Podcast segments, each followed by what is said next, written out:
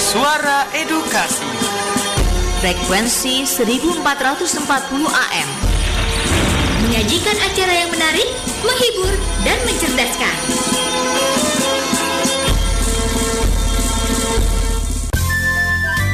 Waktu berputar dan perjalanan peristiwa pun berjalan. Ikuti terus info edukasi, sebuah informasi pendidikan dari Radio Edukasi. Info Edukasi, informasi pendidikan Radio Edukasi. Assalamualaikum warahmatullahi wabarakatuh. Selamat siang sahabat edukasi. Kembali Agung Ramadi di Info Edukasi dan kurang lebih 30 menit ke depan akan hadir membawakan menemani sahabat edukasi tentunya juga di Info Edukasi yang akan hadir mengupdate informasi-informasi terkini dari dunia pendidikan dan kebudayaan. Baik, sahabat edukasi kita langsung saja simak informasi yang pertama. Info Informasi pertama terkait Nahdlatul Ulama yang siap untuk membantu Kemendikbud menyempurnakan naskah Kamus Sejarah Indonesia. Menteri Pendidikan dan Kebudayaan Nadim Anwar Makarim ini bersilaturahmi dengan pengurus besar Nahdlatul Ulama atau PBNU di kantor PBNU di 22 April kemarin dan diterima oleh Ketua Umum PBNU Kiai Haji Syed Akil Siroj beserta jajaran serta tentunya turut hadir Putri Abdurrahman Wahid atau lebih dikenal dengan Gus Dur yaitu uh, Yeni Wahid. Mendikbud mengungkapkan maksud kedatangannya adalah untuk bersilaturahmi sekaligus meluruskan isu yang beredar mengenai tokoh pendiri Nahdlatul Ulama dalam draft naskah Kamus Sejarah Indonesia yang beredar di masyarakat. Mendikbud mengatakan walaupun ini dirancang sebelum saya menjadi menteri, tetapi sebagai menteri yang sekarang adalah menjadi tanggung jawab untuk mengkoreksinya. Kita akan segera melakukan revisi naskah Kamus Sejarah ini dan dalam diskusinya bersama para pengurus NU ditemukan beberapa isu dan ketidaklengkapan dalam draft naskah Kamus Sejarah Indonesia. Mendikbud berkomitmen untuk segera menyempurnakannya segera dan Nadiem menekankan akan melakukan pelurusan isu ini dengan input dari NU dan organisasi-organisasi lainnya dan sejarawan-sejarawan yang akan melengkapi kamus ini. Pengurus Besar Nahdlatul Ulama juga sudah menyiapkan kritik, saran, dan masukan kepada Mendikbud terkait draft naskah Kamus Sejarah Indonesia dan uh, Sekretaris Jenderal PBNU Helmi Faisal Zaini mengatakan Pak Menteri akan menyusun tim baru untuk melakukan revisi total dan PBNU sudah menugaskan Kiai Haji Arifin Junaidi untuk menjadi salah satu tim perumus yang akan menyampaikan masukan-masukan agar sejarah ini dapat diluruskan. Dan usai diskusi Mendikbud menerima ensiklopedia Nahdlatul Ulama dari Kiai Haji Syed Akil Siroj sebagai salah satu bentuk dukungan PBNU dalam menyempurnakan Kamus Sejarah Indonesia. Yani Wahid juga menyampaikan bahwa NU dan keluarga Gus Dur mengapresiasi respon cepat dan positif dari Mendikbud dan jajarannya dalam menangani isu Kamus Sejarah Indonesia. Dan ia juga mengatakan syukurnya Rasa syukur dan hikmah dari kejadian ini adalah kamus tersebut dapat kita perbaiki sebagai bahan pembelajaran bagi generasi muda ke depan agar lebih mengenal tokoh-tokoh bangsa serta kontribusinya terhadap kemerdekaan maupun pengisian kemerdekaan bangsa Indonesia. Baik, info edukasi akan berlanjut dengan informasi lainnya hanya di suara edukasi yang akrab dan mencerdaskan.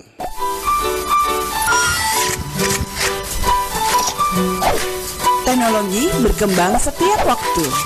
Apa persiapan kita untuk masa depan anak didik? Mereka lahir pada era teknologi. Sudahkah kita persiapkan diri? Pendidikan 4.0 sambut tantangan baru. Tinggalkan pembelajaran monoton yang membosankan. Memanfaatkan TIK dan inovasi dalam pembelajaran. Teknologi lahir dari pendidikan. Sudah selayaknya kita manfaatkan. Mari kita mulai search Rumah Belajar Kemdikbud. Belajar.kemdikbud.go.id. Manfaatkan untuk pembelajaran. Belajar di mana saja, kapan saja, dengan siapa saja. Belajar untuk semua.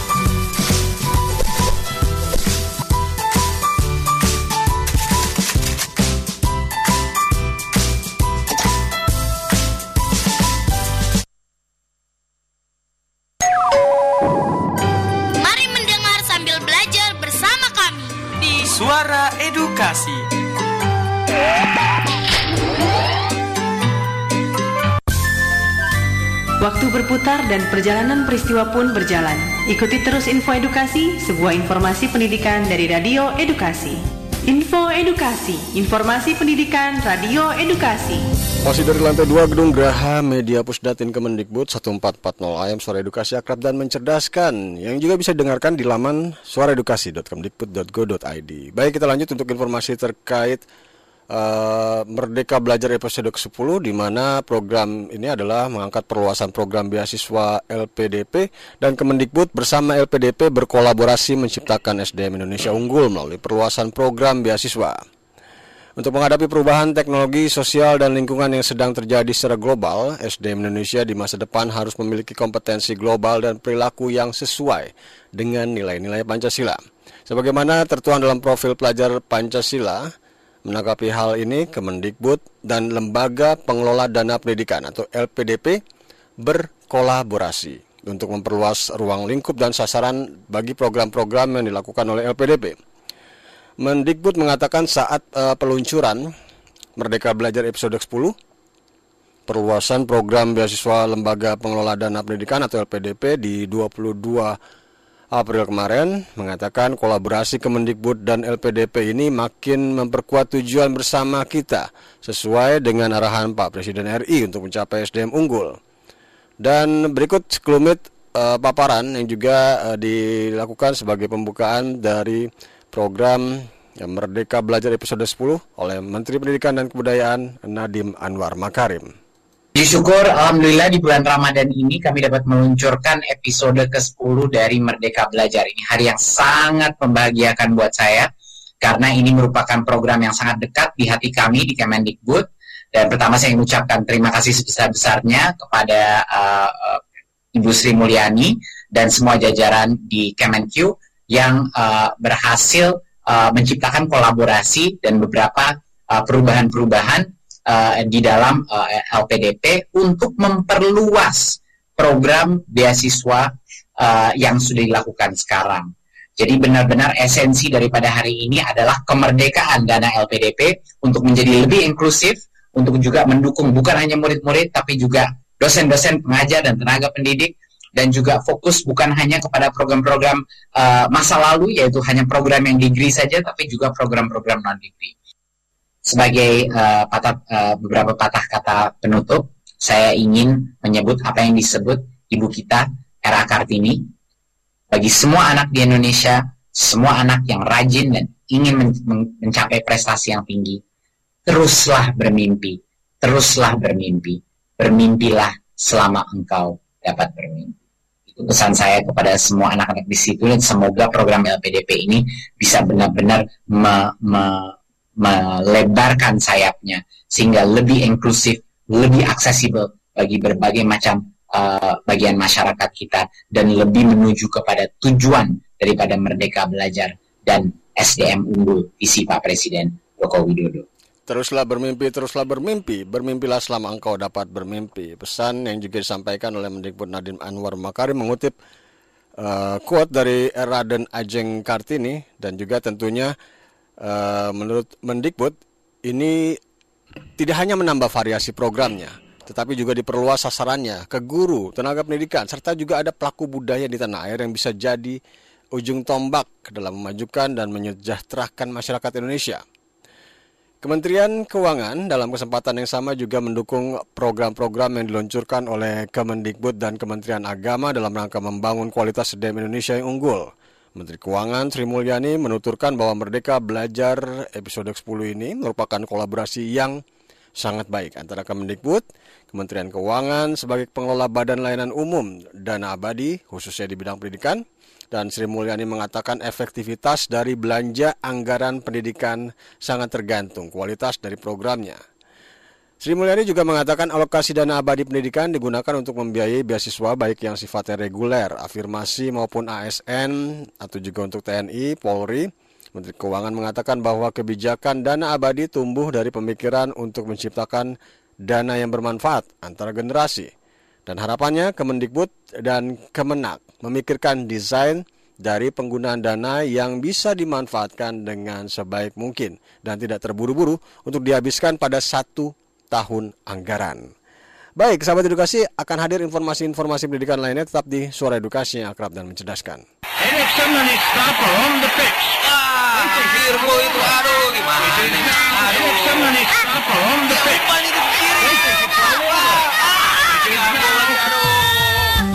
Ya iklan deh. Agung, kakak tahu nggak sih Piala Dunia pertama itu kapan? Memangnya kenapa? Gak apa-apa, aku penasaran aja. Sejak aku kecil, sudah ada pertandingan sepak bola.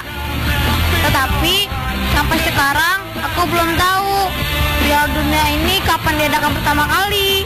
Makanya belajar sejarahnya dong. Jangan hanya menyukai pertandingannya saja. Aku beritahu ya, Piala Dunia atau FIFA Cup pertama kali diadakan pada tahun 1930 di Uruguay. Oh, negara mana saja yang bergabung, Kak? Terus, siapa yang menang? Negara yang bergabung saat itu adalah Belgia, Prancis, Rumania, Yugoslavia, Meksiko, Amerika Serikat, Argentina, Paraguay, dan tentunya Uruguay sendiri. Yang menang adalah sang tuan rumah yaitu Uruguay setelah mengalahkan Argentina dengan skor 4-2. Wah, hebat ya kakak. Pengetahuannya luas banget. Iya dong, makanya belajar, jangan main terus.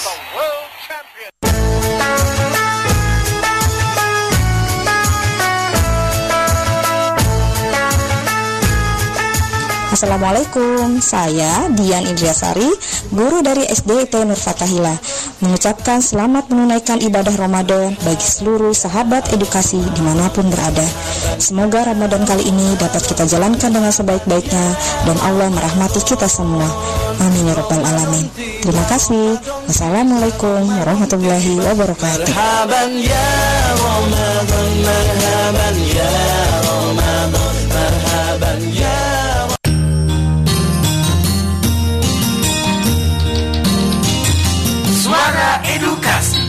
Frekuensi 1440 AM. Radio yang akrab dan mencerdaskan.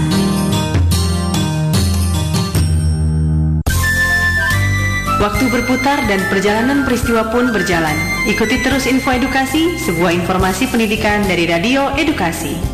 Info Edukasi, informasi pendidikan Radio Edukasi.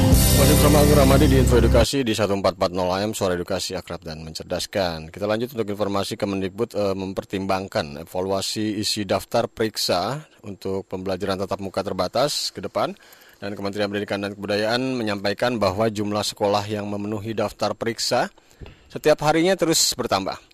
Hal ini menandakan antusiasme dari Satuan Pendidikan untuk melakukan persiapan pembelajaran tatap muka atau PTM kian besar.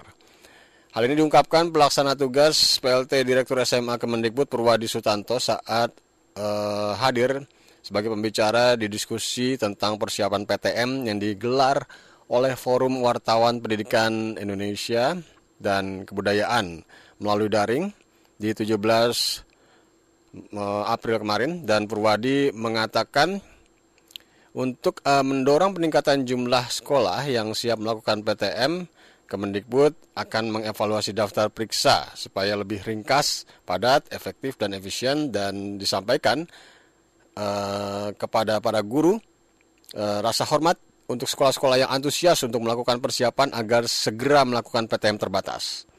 Jumlah sekolah yang setiap hari mengisi daftar periksa dari Kemendikbud pun terus bertambah dan hal itu eh, diakui.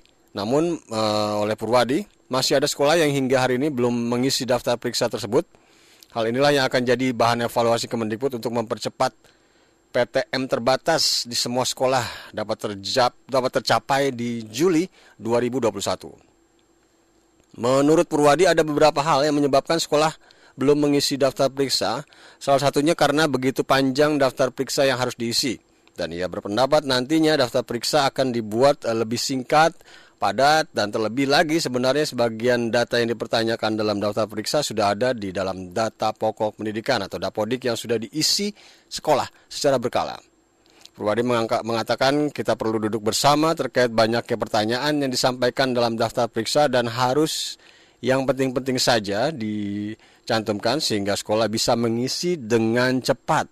Sebab eh, kalau sering, kalau sudah berpengalaman tentunya mengisi dapodik ini meminta data dari sekolah tentunya data yang panjang lebar ini membuat agak enggan pengurus uh, sekolah mengisi data isian tersebut.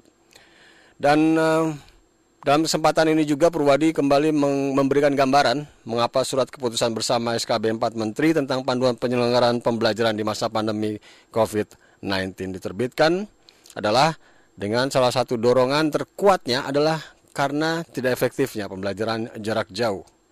Pelaksanaan PJJ daring selama ini diakui Purwadi menimbulkan learning loss, terutama di level bawah, dan PJJ daring harus memakai device Sedangkan di daerah-daerah yang tidak terjangkau sinyal harus menggunakan guru kunjung. Dan tidak hanya itu, proses PJJ pun semakin tidak efektif mengingat tugas yang diberikan guru kepada siswa ternyata tidak selalu dikerjakan. Terkadang orang tuanya yang mengerjakan. Jadi, selama PJJ yang di sekolah, selama maaf, jadi selama PJJ yang sekolah adalah orang tuanya, bukan anaknya.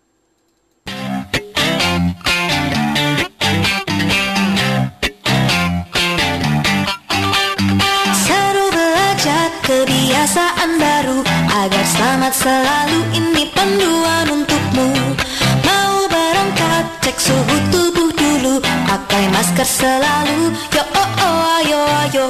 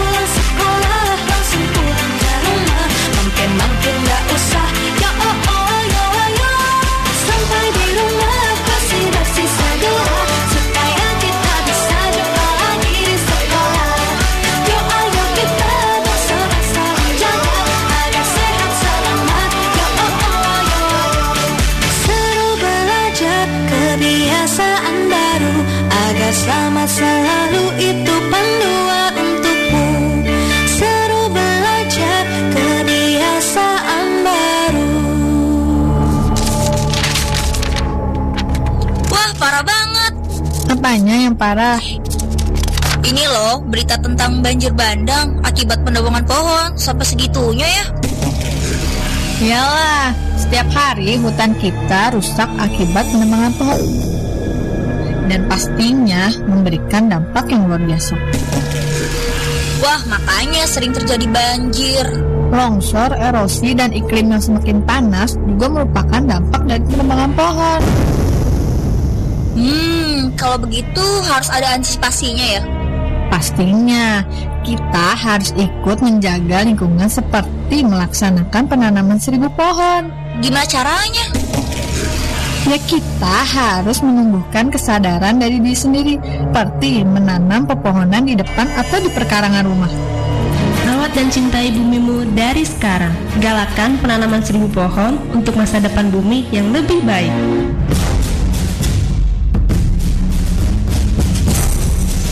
kesehatan masyarakat adalah yang utama. Oleh sebab itu, kendalikan penyebaran COVID-19 dan obati pasien yang terpapar. Sahabat edukasi, saat ini seluruh negara berusaha keras terhindar dari coronavirus. Coronavirus merupakan keluarga besar virus yang menyebabkan penyakit pada manusia dan hewan. Pada manusia, biasanya menyebabkan penyakit infeksi saluran pernapasan, mulai flu biasa hingga penyakit yang serius. Seperti MERS dan SARS. Coronavirus jenis baru yang ditemukan pada manusia Sejak muncul di Wuhan, China pada Desember 2019, kemudian diberi nama SARS-CoV-2, penyebab penyakit coronavirus disease 2019. Pencegahan penyebaran coronavirus. Rajinlah mencuci tangan. Menggunakan hand sanitizer beralkohol, gunakan tisu dan masker bila sedang sakit. Hindari kontak langsung dengan orang yang sakit. Tetap waspada dan tetap sehat. Pesan ini disampaikan Pusdatin Kemendikbud. Mari mendengar sambil belajar bersama kami di Suara Edukasi.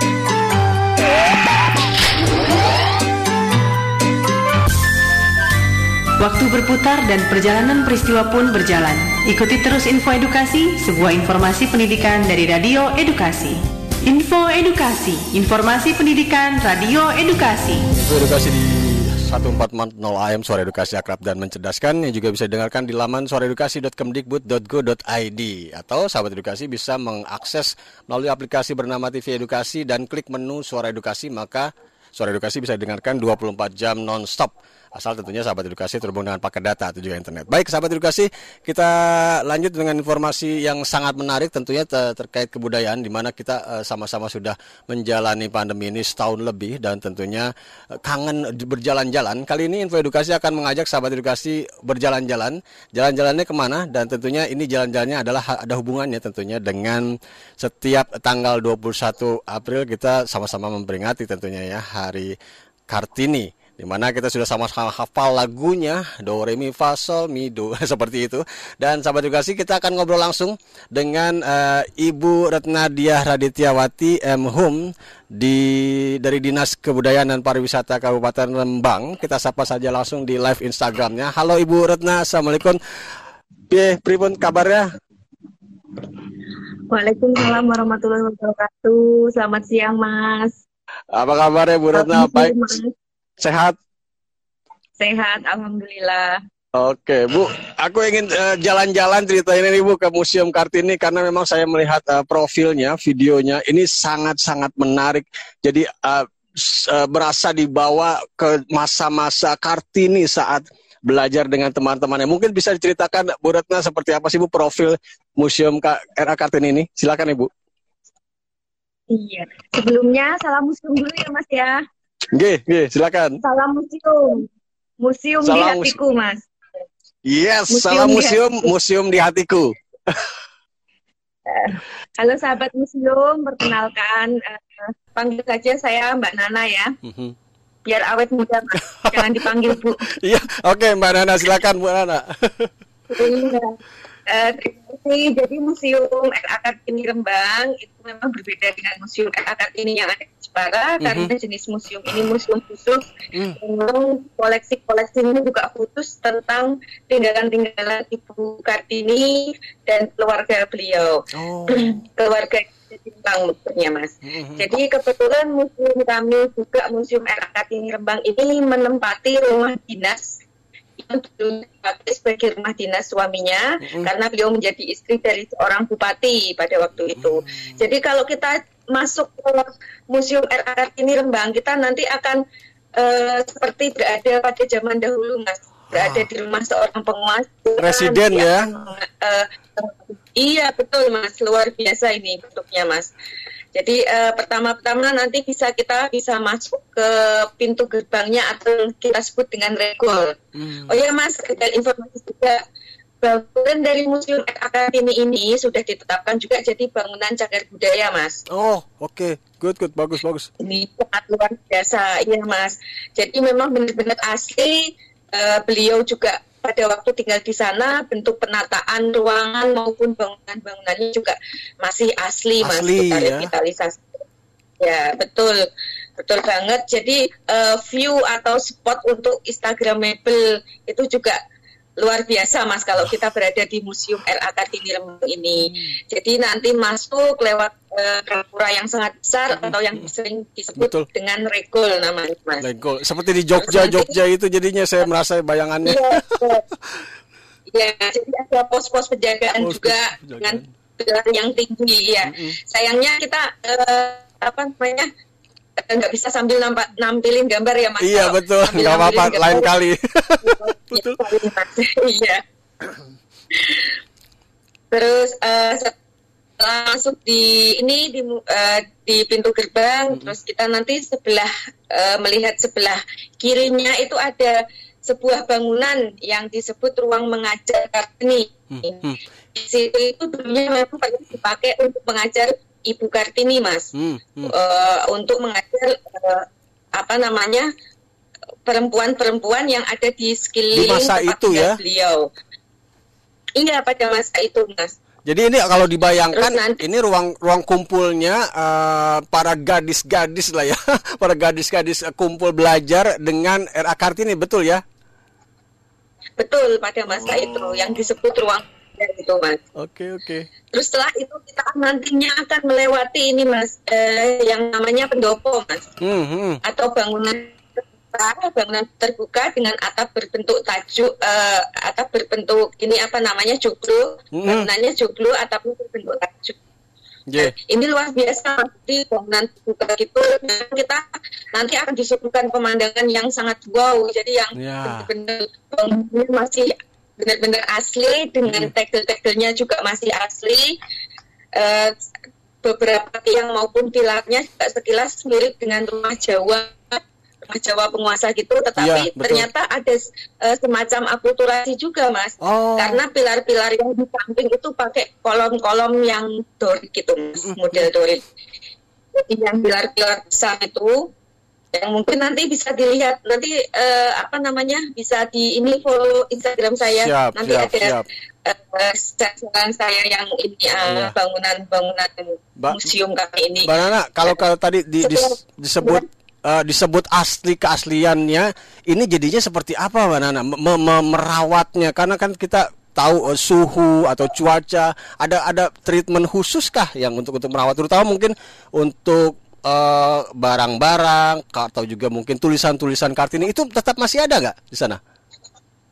Masih, masih ada mas. Hmm. Ya, Eh, memang perlu treatment khusus ya mas. Kita memang ada fumigasi, terus anti rayap atau Hmm. termit kontrol itu rutin juga setiap tahun.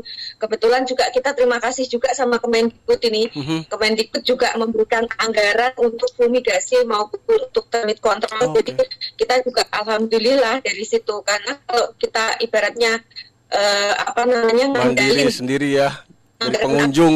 Nah, anggaran itu nggak mencukupi mas memang. Ini alhamdulillah sekarang kita sebagai penerima DAK non fisik dari Hmm. tahun 2019 dari awal DAK non fisik ini sampai sekarang merasa terbantu sekali mas. Mhm, mhm, Betul. Nah, biasanya kan pemeliharaan hanya cukup untuk pemeliharaan kebersihan, Betul. terus pemeliharaan ya yang ringan-ringan lah mas. Nah, Ah, sedangkan betul. untuk pemeliharaan koleksi maupun bangunan yang sifatnya kita membutuhkan bahan kimia yang lebih banyak Oh. itu belum ter terus bentuknya mas. Betul. Nah ini saya terima kasih sama Kemendikbud mas. Oke. Hanya kemarin saya eh, ada tawaran untuk mengisi acara Kemendikbud, wah langsung saya sambut gayung sekali.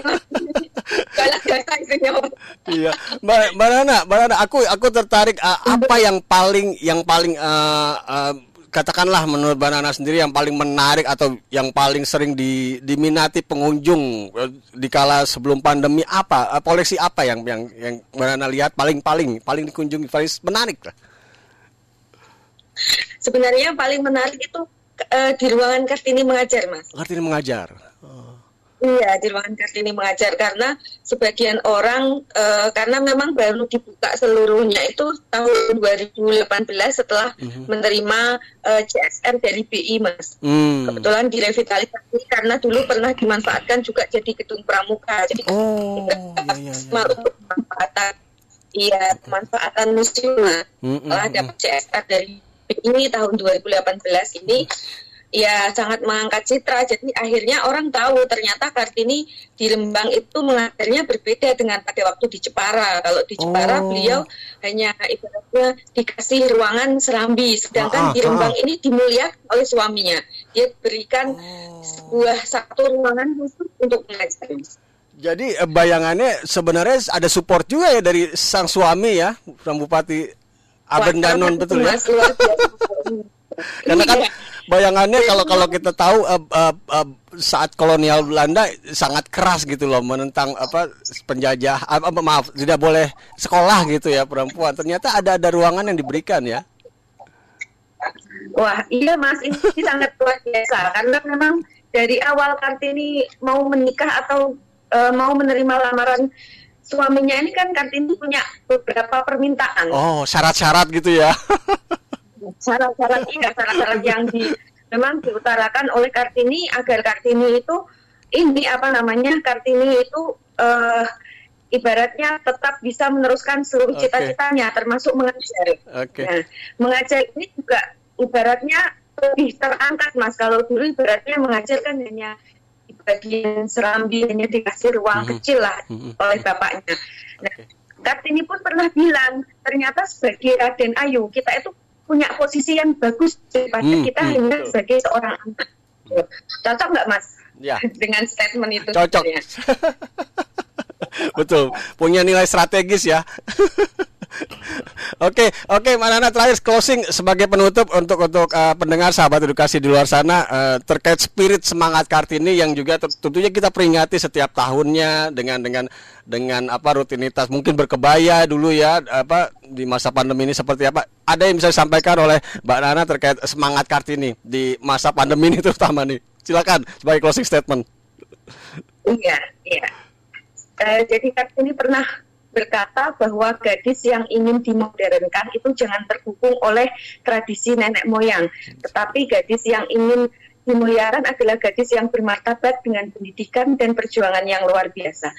Mungkin seperti itu, Mas. Uh, kita sebagai terus kali ini jangan sampai kita menyanyiakan jadi uh, memaknai sebuah emansipasi juga jangan kebablasan tetap ada batas-batas dan Kartini juga sadar dengan hal itu. Oke, terima kasih banyak uh, Mbak Retna Diah Raditiawati M. Hum dari Dinas Kebudayaan dan Pariwisata Kabupaten Rembang. Terima kasih banyak Mas Sun. Sakit terima kasih. Nanti kapan-kapan saya ingin main ya ke sana ya lebih baik main kayaknya lebih puas ya. Saya ingin merasakan nuansanya bagaimana uh, naskah-naskahnya juga terutama ya Mbak, Mbak Retna ya. Iya. Oke. Okay. Iya, betul Mas. Saya Mas. Iya, harus main. Harus Apalagi main. nanti itu bisa terlibat dengan beberapa program Betul, kami, Mas. betul. Jadi yang ingin tahu informasinya silakan follow Instagramnya ya. Instagram dari uh, Museum Kartini ada juga ya Mbak Retna ya atau dengan Mbak Retna sekalian sekaligus Retna Rad Radi Raditya ya betul ya. Ya, Retna Raditya. Oke, sekali lagi terima kasih. Salam dan juga sehat terus Mbak Retna. Assalamualaikum warahmatullahi wabarakatuh. Amin. Iya, makasih. Oke, sahabat edukasi kita sudah ngobrol-ngobrol dengan Mbak Retna Dia Raditya Wati M. Hum dari Dinas Kebudayaan dan Pariwisata Kabupaten Rembang di mana Mbak Retna juga sudah uh, menginformasikan Museum Era Kartini dari yang ada di Rembang semangat Kartini yang juga harus uh, diartikan secara luas dan juga tidak kebablasan menurut Baret. Nah, oke, okay. sahabat edukasi informasi menarik tadi menutup kebersamaan kita di Info Edukasi hari ini. Selain ada program lain yang juga menarik untuk tetap disimak, menarik untuk tetap didengarkan hanya di Suara Edukasi akrab dan mencerdaskan. Aku Rahman dipamit. Wassalamualaikum warahmatullahi wabarakatuh. Bye bye. Info.